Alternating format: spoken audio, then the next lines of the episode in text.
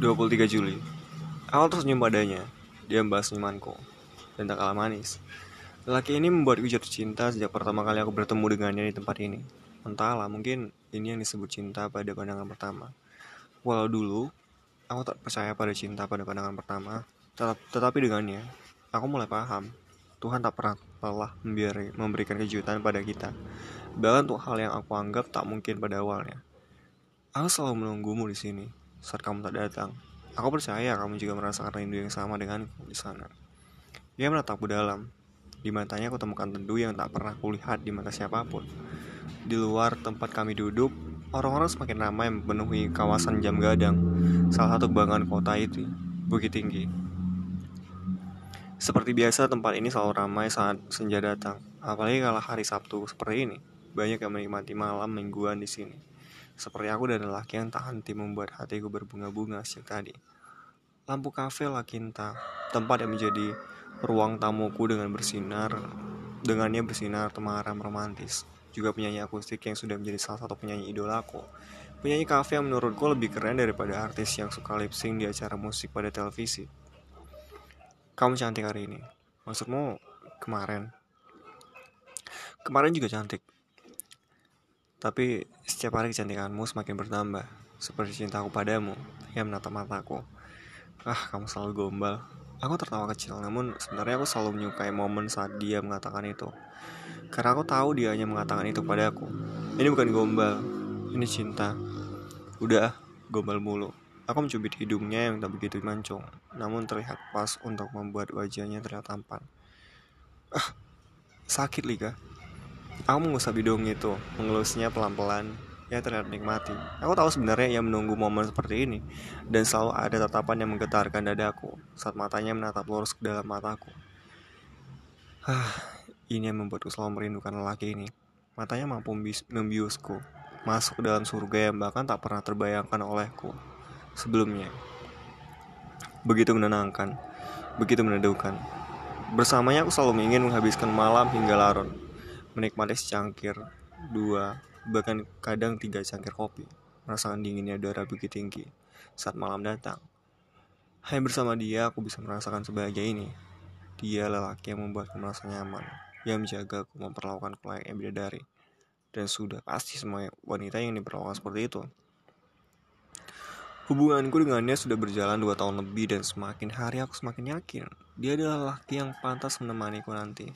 Ia yang pantas menjadi ayah dari anak-anakku. Seseorang yang akan mengecup keningku saat malam melelapkan. Seseorang yang ingin hidangi kopi, sangkir kopi setiap pagi. Hadiahi kecupan di bibirnya saat hujan terasa mendinginkan tubuh. Hanya dia yang ingin kupeluk saat sepi menghakimiku. Hanya ia yang ingin ku cari saat aku tersesat dalam luka. Hanya ia, tempat berpulang, menyemai bahagia di dada. Karena bersamanya, hidup terasa begitu sempurna dan aku dan aku tahu dia juga merasakan hal yang sama.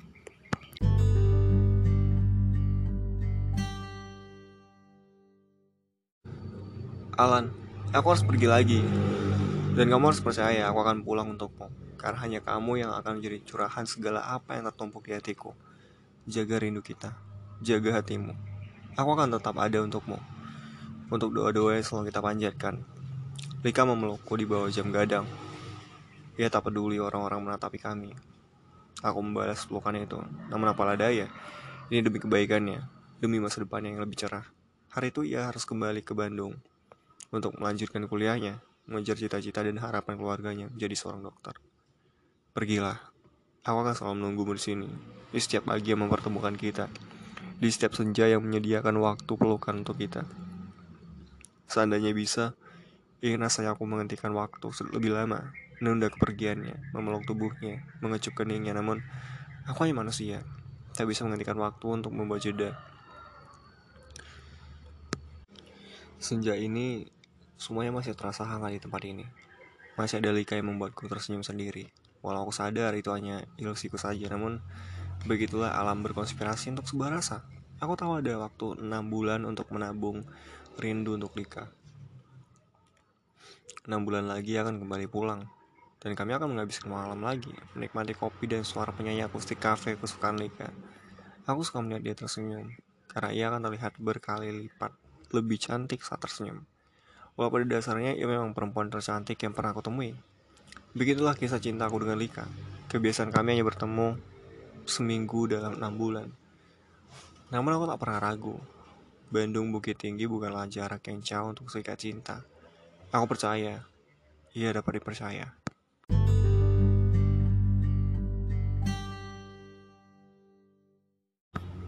Kamu yakin dia akan menunggumu di sana? Kenapa harus memilih laki itu? Bukankah di sini banyak yang mengejarmu? Apa kurangnya mereka? Para calon dokter, bahkan ada senior yang sudah menjadi dokter. Sudahlah Rika, lupakan saja Alan. Buka, buka hatimu untuk lelaki yang sudah ada di sini. Masa depan mereka lebih menjamin. Aku hanya diam mendengar ocehan RC. Tapi jujur, ingin rasanya aku mengatakan padanya, kau pikir aku perempuan apa? yang hanya mengarahkan pangkat seseorang laki-laki. Namun niat itu kurungkan. Aku tak ingin ada pertengkaran di antara kami. Lika, kamu dengerin aku nggak sih? Apa sih yang kamu harapkan dari Alan? Dia hanya seorang laki pembuat tato temporer. Dia tak akan bisa menghidupimu. Arsi cukup. Aku bisa terima kamu menawariku puluhan lelaki yang menurutmu layak untukku. Namun, jangan sesekali pandang rendah profesi Alan. Aku tak suka. Aku berdarah naik hitam. Aku tak suka yang merendahkan pekerjaan kekasihku. Meski ia hanya seorang seniman tato temporer, bagiku itu tak ma tak pernah masalah. Arsi terlihat kesal, namun aku sebenarnya lebih kesal padanya yang terlalu memaksakan kehendaknya. Walau aku tahu tujuannya baik menurutnya, namun aku beneran tak ingin mendua kenalan, apalagi sampai meninggalkannya untuk mendapatkan laki lain. Itu bukan aku. Terserah kamu, Delika. Aku hanya ingin kamu mendapatkan yang terbaik, bukan sekedar tukang tato temporer itu. Arsi meninggalkanku di kamar sendirian. Aku menatapnya pergi, membiarkannya keluar dari kamar ini. Tak berapa kali aku hampir bertengkar dengan Arsi hanya gara-gara keusilannya yang selalu menjodohkan aku dengan teman-temannya, calon dan dokter muda itu. Namun untunglah, kami tak pernah sampai bertengkar hanya sekedar beradu argumen saja. Sejak awal jatuh cinta pada Alan aku memang tak peduli apa profesinya, karena bagiku selama satu orang bertanggung jawab, ia akan bisa membahagiakanmu. Bagiku, aku melihat Alan adalah laki yang bertanggung jawab, yang memang hanya seorang seniman tato temporer jam gada bukit tinggi. Namun dia mengajarkanku banyak hal, tentang hal-hal yang tak pernah aku temui dalam diri lelaki lain yang berkunjung ke hatiku. Dari Alan aku mengerti bahwa banyak hal yang bisa kamu tuliskan pada orang lain. Tapi hanya satu hal yang bisa tertulis di hatimu, seseorang yang akan menemukannya seumur hidupmu. Aku bisa melukis tato di tubuh, di tubuh setiap perempuan, di tubuh setiap orang yang menginginkannya. Namun, satu hal yang selalu aku percaya, aku tak bisa mencintai mereka seperti aku mencintaimu. Aku tak bisa melukis setiap hati, hanya hati yang bersedia menerima aku dan aku memilih pergi, dan aku memilih kamu. Percayalah, aku akan selalu menantimu. Seperti tulisan ini akan abadi di tubuhku. Lika tertulis di lengan sebelah kanan Alan.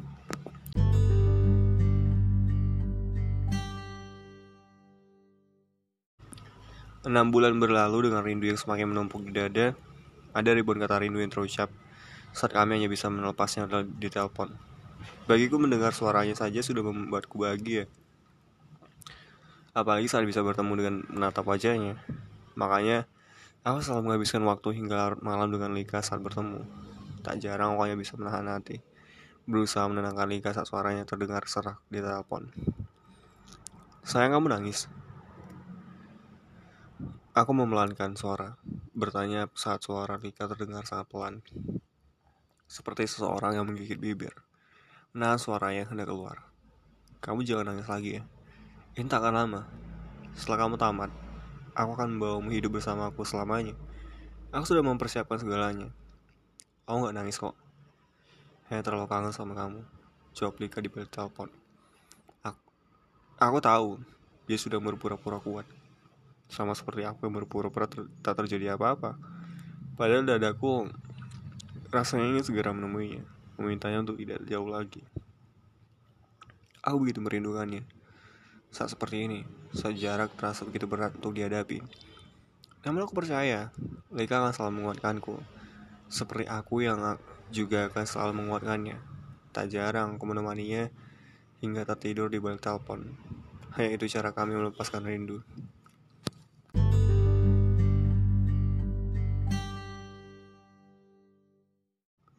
Empat tahun berlalu dengan banyak rindu, banyak kenangan, banyak halangan, dan satu kesetiaan.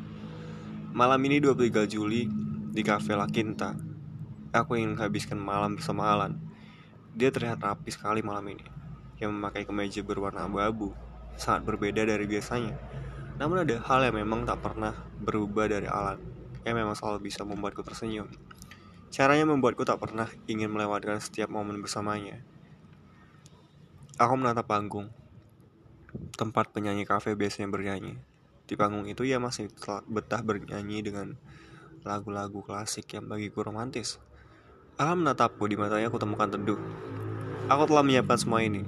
Sejak awal aku mulai untuk menjalani hubungan ini denganmu, dan aku ingin ini adalah saat yang tepat untuk kita. Ia menatap mataku lebih dekat, sangat dekat. Hangat napasnya terasa menerpa pipiku. Rasanya jantungku mau lepas. Alan bisiku. Ia menutup bibirku dengan telunjuknya. Jangan bicara dulu. Aku ingin kamu tahu, aku menyiapkan semua ini dari empat tahun yang lalu. Aku menabung setiap hari, karena aku tahu aku hanya seseorang seniman tato temporer jalanan. Dan sekarang, aku sudah punya studio tato. Mungkin ini tak akan cukup untuk model bahagia, tetapi cintaku akan melengkapinya. Aku mengerjakan analis, memberi syarat. Katakanlah apa yang ingin segera kamu katakan. Lika aku tahu, aku tak sebanding dengan banyak lelaki yang mendekatimu, namun aku ingin memintamu menjadi yang halal untukku. Karena aku tak bisa membiarkanmu pergi lagi. Aku tak ingin kamu pergi lagi. Maukah kamu menikah denganku? Mata Alan meminta tulus. Aku hanya terdiam, Aku bahkan tak pernah mempedulikan profesinya, namun aku bangga pada Alan. Ia adalah lelaki yang bertanggung jawab sebegitunya mempersiapkan diri untukku, menungguku lulus dan malam ini ia meminta aku menjadi yang halal untuknya. Aku rasa kalian juga tahu jawabannya. Aku tidak punya alasan untuk tidak menerima lelaki yang memang pantas untuk mendampingiku. Aku bersedia hidup yang halal bersamamu. Selamanya.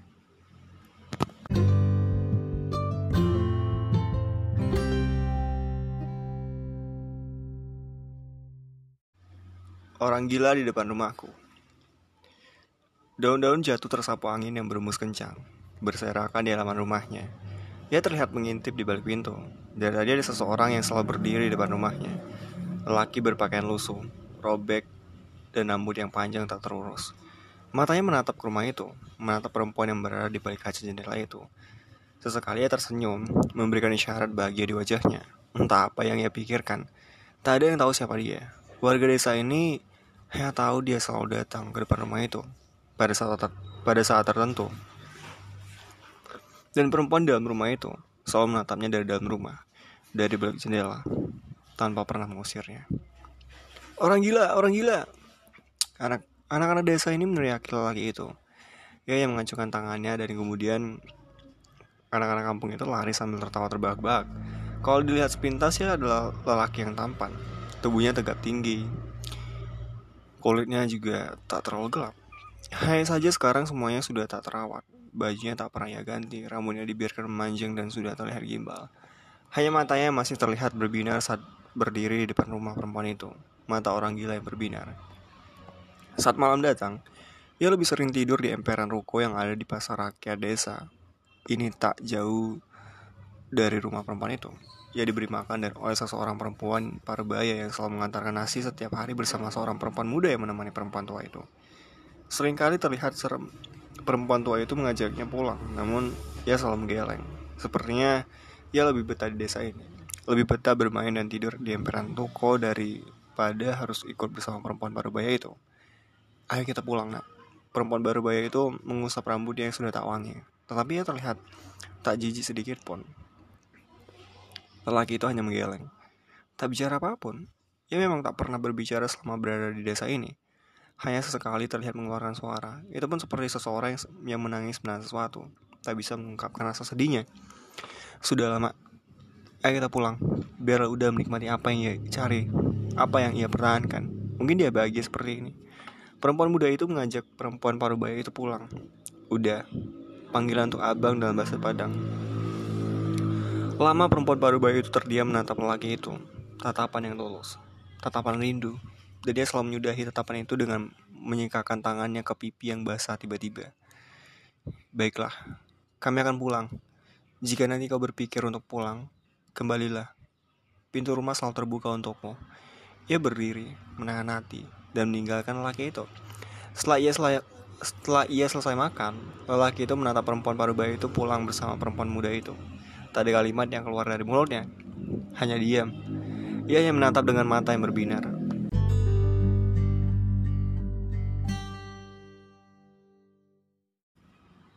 Dari hati seorang perempuan dalam rumah. Hujan lebat sangat turun malam ini. Aku menatap dari balik jendela rumahku. Kasihan melihat orang gila itu masih saja berdiri di depan pagar. Tak beranjak sedikit pun. Namun, aku tak bisa keluar untuk sekedar memberikan payung. Dia orang gila, lelaki gila. Aku takut nanti niat baikku tak dimengerti olehnya. Biarlah ia berdiri di sana hingga ia lelah. Sayang, tidur yuk. Di luar hujan. Udaranya terlalu dingin. Aku mengangguk berjalan menuju kamar mengikuti suamiku. Tak melihat lagi laki-laki gila yang masih berdiri di depan pagar rumah kami. Namun aku tahu, nanti ia akan pergi saat ada lagi suara di rumah ini, saat lampu-lampu sudah dimatikan. Dan pasti akan kembali lagi saat matahari kembali menyinari bumi. Ia akan kembali dengan tampilan yang kusutnya, kadang tak jarang dengan bajunya yang masih lembab. Ia berdiri di depan pagar dan membiarkan pakaiannya yang lusuh itu mengering di badannya. Pram. Suamiku pernah mengusirnya dari taman rumah kami. Namun mungkin karena ia orang gila yang bandel, ia selalu kembali. Akhirnya aku meminta Pram membiarkan ia seperti itu. Lagian tak ada salahnya ia di sana. Karena ia tak pernah mengganggu penghuni rumah ini. Juga tak pernah mencuri. Mungkin dia suka dengan suasana dan desain rumah kita. Jawabku saat Pram bertanya kenapa harus membiarkan dia betah berada di sana. Pram hanya terdiam saat ia mendengarkan permintaanku untuk membiarkan saja lelaki gila itu berdiri di depan rumah kami. Kasihan saja melihatnya jika harus diusir. Mungkin dengan berdiri di depan rumah kami, ia merasa bahagia. Aku memasangkan dasi pram, melepasnya pergi ke kantor dan kembali menutup pintu. Sejak kami menikah, aku tak boleh bekerja oleh Pram dan jadilah aku perempuan yang hanya bisa menjadi penghuni rumah yang baik. Karena memang Tuhan juga belum mengkaruniakan mengkaruniai kami anak untuk menemaniku di rumah ini. Hanya orang gila itu yang selalu menemaniku. Dengan dia berdiri di depan pagar rumah kami.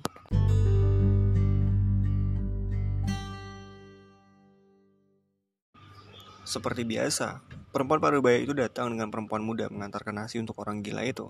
Dan selalu ada pipi yang basah di wajahnya saat terus meminta agar lelaki itu pulang. Namun, lelaki itu tak pernah menjawab. Ia hanya bisa... Ia hanya diam membisu menatap perempuan baru baya itu mengelap air matanya. Udah, ayolah pulang. Kasihan nama yang terus-terusan menangis udah. Pulanglah. Semuanya akan kembali baik. Lihatlah tubuh udah, sudah tak terawat. Udah tak sayang pada kami. Di rumah tak ada laki-laki lagi. Harapan kami hanya udah. Perempuan muda itu terlihat ikut mengelap air matanya. Ia tak tega melihat ibunya dan kakak. Lelaki satu-satunya itu berada di kondisi seperti ini terus-terusan. Namun, lelaki itu tetap diam Meski matanya berkaca-kaca seperti menang, menahan tangis, lalu ia mengelakkan kepalanya sebelum dua perempuan itu menyadarinya. Ia memberikan rantang makanan pada perempuan muda itu, yang artinya dua perempuan muda itu sudah boleh meninggalkannya, dan ia tak ingin ikut pulang. Ayo lama, sepertinya udah memang bahagia seperti ini. Ia tak peduli pada dirinya, apalagi pada kita. Ucap perempuan itu, muda itu kesal. Tak boleh seperti itu. Bagaimanapun ia adalah bangmu, ia adalah darah lagi. Ama. Tetap lihat, tetapi lihatlah, Mak. Ia bahkan tak menjawab ucapan nama. Apa itu yang disebut anak? Eh, kamu tak boleh bicara seperti itu. Nanti dia sedih. Ayo kita pulang. Biarlah dia di sini. Mungkin kamu benar. Ya lebih bahagia seperti ini. Dua perempuan itu pulang, meninggalkan lelaki gila itu. Angin berebus kencang, menerbangkan dedaunan yang terlihat mengering, berserakan sepanjang halaman rumah.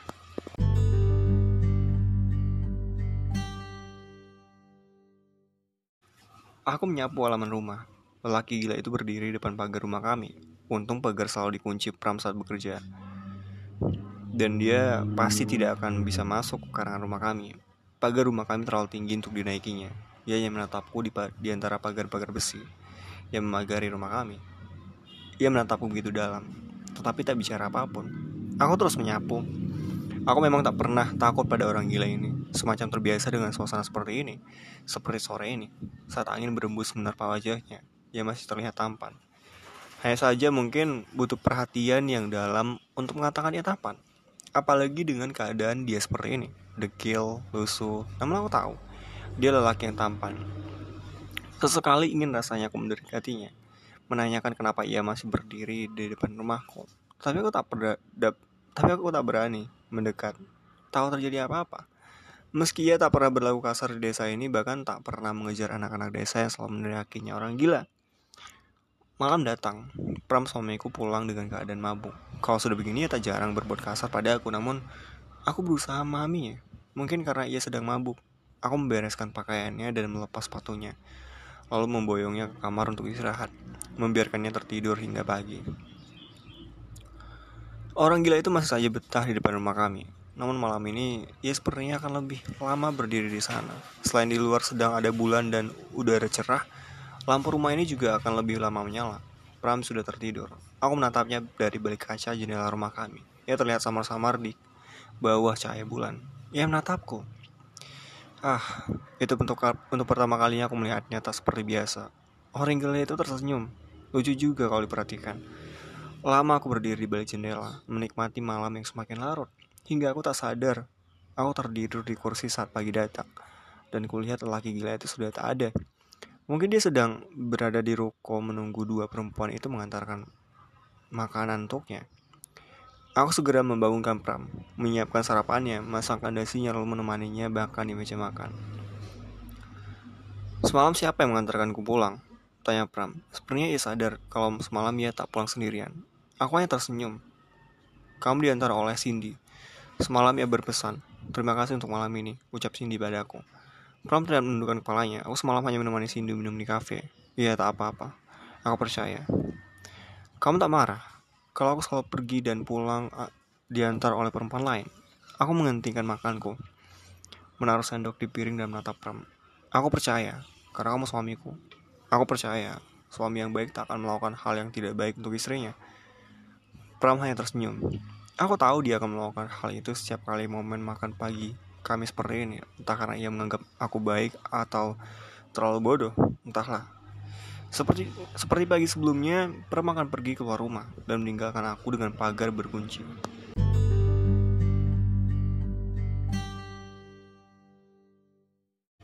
Lelaki gila itu masih menatapku. Tak berapa menit lamanya mataku dan matanya bertatapan. Aku tahu apa yang ia rasakan, seperti ia tahu apa yang aku rasakan.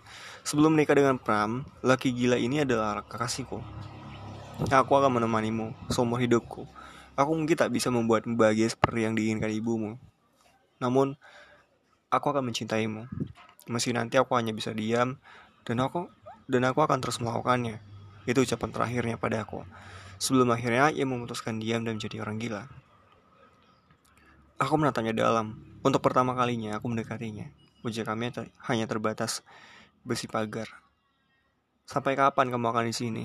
Pulanglah. Aku tak bisa terus berpura-pura baik di depanmu. Kamu tahu, aku selalu menahan tangis saat harus menyaksikanmu berdiri di sini untukku. Dan aku harus berpura-pura tak mengenalmu. Air mataku menetes mengalir pipi. Rasanya sangat sakit saat aku harus mengabaikan dia yang begitu teguh mencintaiku. Dia tetap saja diam, dan aku tahu jawabannya. Ia akan menunggu, menemaniku di sini. Saat ini juga, andai bisa, aku ingin lari bersamanya. Hidup bebas bersama lelaki gila ini, lelaki yang kucintai. Namun keluarga sudah terlanjur berutang banyak pada Pram. Mungkin nanti jika Pram mati aku akan bisa bersamanya. Semoga Pram cepat mati. 22 Juli 2013.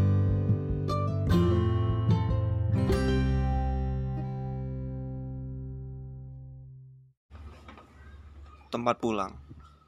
Nai, dia menghampiriku. Pria yang kucintai sejak tiga tahun ini. Pria yang membuatku bahagia. Ya aku bahagia. Matanya yang, menang, yang menyenangkan, raut wajahnya meneduhkan, selalu bisa meluluhkan hatiku. Walau kadang aku kesal karena dia suka telat untuk menemuiku. Namun caranya meminta maaf dan menenangkan emosiku yang terlanjur meninggi selalu bisa membuat aku kembali tersenyum. Dia memang lelaki terhebat yang mampu menaklukkan hatiku. Aku membalikan badan dari tempat dudukku. Kenapa telat lagi? Tanya aku saat sosok itu datang. Kalimat pertama yang selalu aku ucapkan saat bertemu dengannya. Menyebalkan memang jika yang ditunggu selalu datang telat. Lain kali kamu yang nunggu deh. Aku mulai jutek kesal. Dia duduk di samping kiriku. Sayang jangan cemberut. Aku udah usaha nggak telat. Tapi kamu tahu kan, ini udah kebiasaan aku. Dia merangkul tubuhku. Kebiasaan buruk dijaga, ketosku. Aku semakin kesal, seharusnya dia datang satu jam yang lalu. Momen yang selalu aku tunggu setiap tahunnya. Namun di tahun ketiga hubungan kami Dia tetap saja telat. Kamu tahu kan, ini hari jadian kita. Aku ingin kita merayakannya di waktu yang pas Di jam yang tepat seperti saat tiga tahun yang lalu. Saat kamu menyatakan perasaan Saat aku memutuskan untuk memilihmu menjadi penjaga hatiku. Saat kata kita dimulai. Namun kamu selalu telat. Kamu tahu gak sih? Dari tadi aku kayak orang bodoh di sini mengganggu gue sendirian. Emosiku semakin meluap. Sayang maafin aku ya. Aku tahu kamu kesal. Aku tahu, aku selalu telat menemuimu. Dia menatap mataku penuh makna. Sorotan makna yang selalu membuatku ingin segera memeluknya. Namun kali ini tidak. Aku sedang emosi. Aku tak mau memeluknya saat ini. Jika sudah begini, aku ada, ada hal paling ampuh yang selalu dilakukannya. Dia mengecup keningku. Aku mencintaimu dan aku pastikan tak akan pernah telat. Mungkin ragaku terbatas untuk memahamimu, tetapi hatiku selalu datang tepat waktu menjemput diri, menjemput rindumu. Pulang ke ruang hatimu, kecepatan yang lembut. Dia memagutkan lengannya ke tubuhku. Maafin aku ya. Hari ini tahun ketiga kita bersama, jadi gak boleh cemberut. Disudahi senyuman termanis yang ia miliki. Wanita mana yang tak luluh oleh laki seperti dia? Itu yang membuatku tak ingin marah-marah lama-lama padanya. Iya aku maafin, tapi gak usah pakai tapi, aku tahu. Aku boleh telat, tapi jangan selingkuh. Aku boleh telat, tapi jangan menghilang tanpa kabar, iya kan? Pintasnya seakan hafal yang ingin kucapkan. Aku sayang kamu. Aku gak mau kehilangan kamu. Ucapku tanpa sadar sering. Seiring bulir bening mengaliri pipiku. Tak kenapa setiap emosi yang tertahan selalu lepas bersama air mata. Kali ini pun aku meluapkan dengan cara itu. Aku memang takut kehilangannya bagi kehilangannya. Bagiku, Bian adalah segalanya. Hatiku terlanjur. Hatiku terlanjur utuh untuknya. Banyak yang mencoba merebut hatiku dari Bian, namun aku selalu tak bisa mengalihkan hati pada hati yang lain. Walau Bian suka telat, walau dia kadang nyebelin, namun bukankah cinta memang harus saling melengkapi, saling utuh. Bukan membiarkan yang kurang menjadi semakin terlihat kurang. Karena itu aku dan Bian selalu berusaha untuk saling mengisi. Karena aku paham memaaf memaafkan adalah cara terbaik untuk mencintai. Memahami adalah cara terbaik menenangkan hati dan cinta. Selalu tahu siapa yang harus ia pahami dan ia mengerti. Bagiku, dia itu Bian. Hari sudah semakin senja. Di taman ini aku menghabiskan waktu bersama Bian. Potongan kue, tiupan lilin, kecupan di kening, pelukan manja dan doa-doa kami panjatkan agar hubungan ini bertahan hingga kami tak mampu lagi untuk saling merangkul. Hingga rentah, hingga raga tak lagi bernyawa.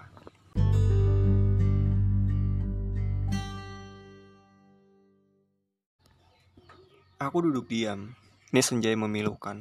Beberapa hari ini Bian jarang mengabariku. Katanya dia sedang sibuk dengan urusan kantornya. Aku hanya berusaha memahami. Sebagai kasih yang sudah menemaninya tiga tahun belakangan, aku paham sekali siapa Bian. Bagaimana kerjaannya, bagaimana hobinya, cara makannya, jam berapa ia bisa tidur.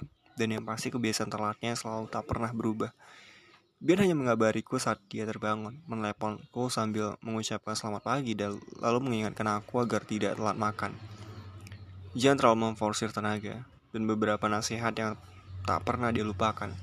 Lalu malam sebelum aku sempat tertidur, dia menelponku. Katanya dia baru pulang kerja dan menelponku agar aku tidak begadang. Ya, dia begitu sibuk. Dia lelaki yang gila kerja. Aku berusaha mengerti, sangat mengerti Bian. Aku tahu dia sudah punya rencana besar untuk hubungan kami, rencana yang sudah kurancang berdua dengannya, menikah. Beberapa hari yang lalu ia memintaku, di taman tempat pertama kami jadian, di taman yang selalu kami sebut dengan taman hati. Tempat kupu-kupu yang sering dan peri saling berbagi keceriaan.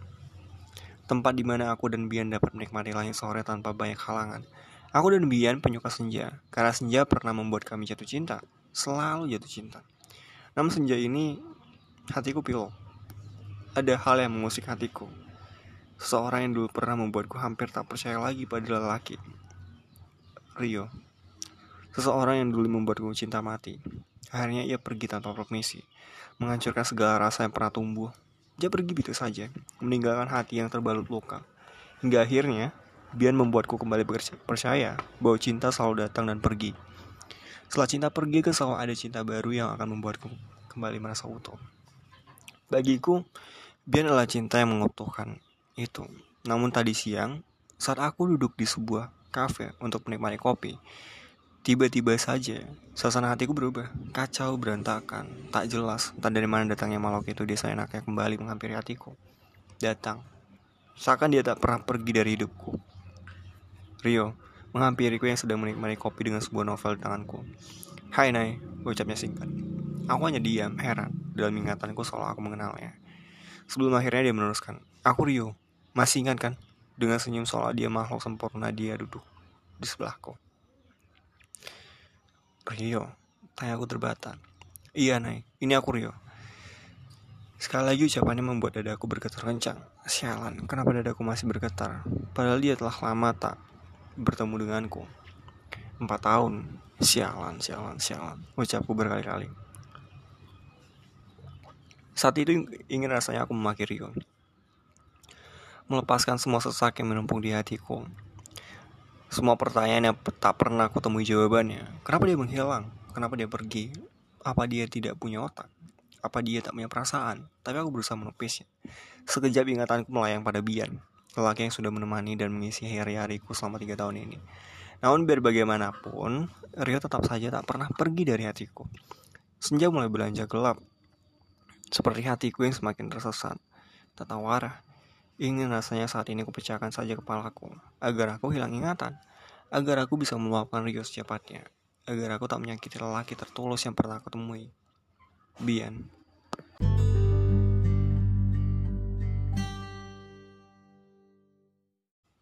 Seperti beberapa malam terakhir, Bian menelponku sebelum aku tertidur. Aku tahu dia lelah, kadang aku tak ingin mengangkat teleponnya, kasihan dia. Sudah lelah bekerja, tetapi masih saja menyempatkan untuk menelponku. Namun tidak mengangkat telepon dari pasangan kita hanya akan membuat salah paham. Karena itu aku selalu menerima teleponnya. Walau kadang aku yang mengingatkannya agar cepat tidur. Sayang, tanya Bian. Nampaknya seakan memiliki takaran detik tersendiri. Iya, kamu kenapa tak langsung tidur saja? Kan capek habis kerja. Aku berusaha menenangkan hatiku yang dari tadi kacau tak menentu. Kamu kenapa? Kenapa aku merasa ada yang berbeda ya? Atau ini hanya perasaanku aja? Sepertinya Bian merasakan apa yang aku sembunyikan. Dia memang selalu bisa memahami dan kadang aku heran. Karena dia seolah tahu apa yang ada di pikiranku. Gak apa-apa, aku baik-baik saja. Ya udah kamu tidur. Besok kan harus kerja lagi. Sekali lagi aku berusaha bersikap biasa, namun dadaku semakin sesak. Aku tak ingin membohongi lelaki yang tulus mencintaiku, lelaki yang tak pernah lelah memahamiku, lelaki yang setelah selelah dan seletih apa pun dia akan selalu menghubungiku hanya untuk mengucapkan selamat tidur. Laki yang tak pernah membuatku sedih, walau sering membuatku kesal karena ia sering telat. Namun itu bukan alasan meragukan cintanya. Kamu yakin gak apa-apa? Suara khasnya membuat air mataku semakin deras mengalir, menetesi setiap kisah kasih yang ia berikan padaku. Iya sayang, kamu tidur ya. Aku juga mau tidur, capek juga. Aku berusaha mengakhiri pembicaraan. Aku tak mau biar tahu kalau aku sedang menahan sesak yang menghukumku. Ya sudah, Aku tidur ya. Kamu juga. Ingat, jangan begadang, nanti pesek. Ucapnya jangan dengan ucapan selamat selamat tidur yang mampu membuatku tersenyum. Iya sayang, kamu juga tidur. Nanti pesek juga. Percakapan kami pun terhenti. Nay, aku tahu aku salah telah meninggalkanmu tanpa kabar. Aku tahu kamu ini, semua ini hal yang tak seharusnya aku lakukan. Namun saat itu aku memang harus pergi meninggalkanmu. Aku juga luka saat harus beranjak dari kota ini.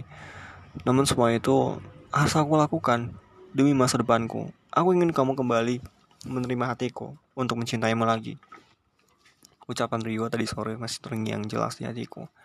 Sebelum akhirnya aku pergi meninggalkannya setelah tubuhku dirangkul tanpa sebuah jawaban. Mungkin dia mengerti. Aku masih aku masih kaget dengan semua ini. Aku menunggumu besok di pantai tempat yang dulu sering kita kunjungi. Pantai Pisang, tutup Rio penuh harap. Aku terdiam, tak ada yang bisa kulakukan saat ini, kecuali memendam perih yang semakin menyayat hati. Besok aku harus menemui Rio. Biar bagaimanapun, hatiku masih ada padanya. Meski ia membuatku hampir setengah gila, namun lagi-lagi hatiku teralihkan ingatan pada Bian. Lelaki yang selama ini menerima aku tanpa meminta aku berubah menjadi seperti inginnya. Aku dilema, rasanya ingin berteriak sekencangnya. Namun, aku takut tetanggaku pada terbangun. Ternyata bermain hati itu melelahkan.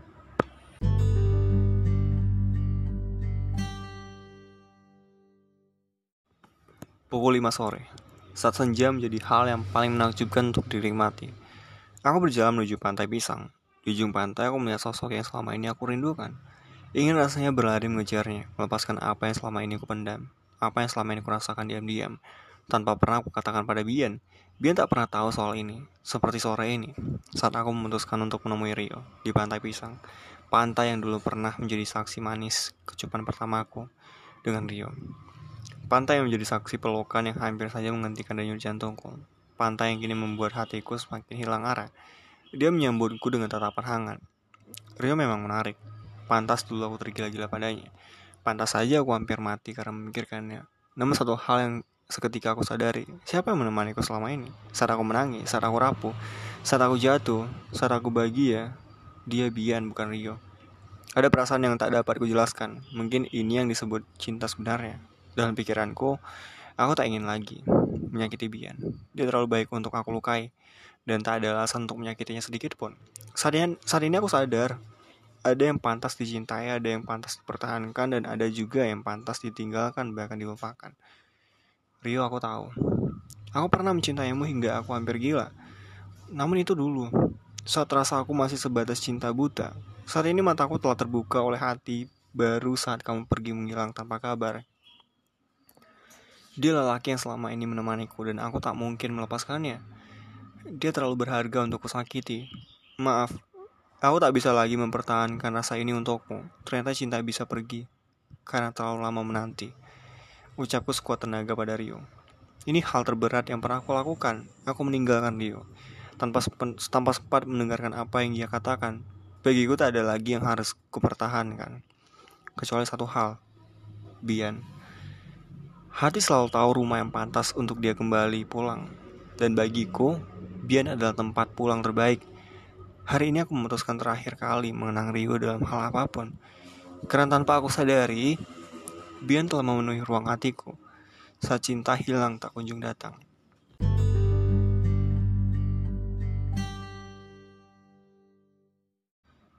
Bian, ada hal yang tidak pernah diketahui Nai. Saat aku selalu datang telat, Aku harus menyiapkan hati yang kuat untuk menemui orang yang aku cintai. Saat dia masih memiliki hati pada seseorang yang bukan aku. Namun sejak hari ini, sepertinya aku tak perlu telat lagi. Aku tak perlu mengurut dadaku lagi sebelum menemui Nai. Penantian selalu berakhir, dan hari ini semuanya telah berakhir. Saatnya memulai hari baru dengan Nai, tanpa telat lagi. Tentang Nai yang menemui Rio sebenarnya aku sudah tahu. Tetapi aku sengaja membiarkannya karena sudah sepatutnya orang yang kita percayai diberi kepercayaan penuh.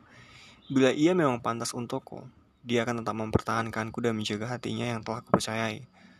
Seperti Nay, dia pantas kupercaya.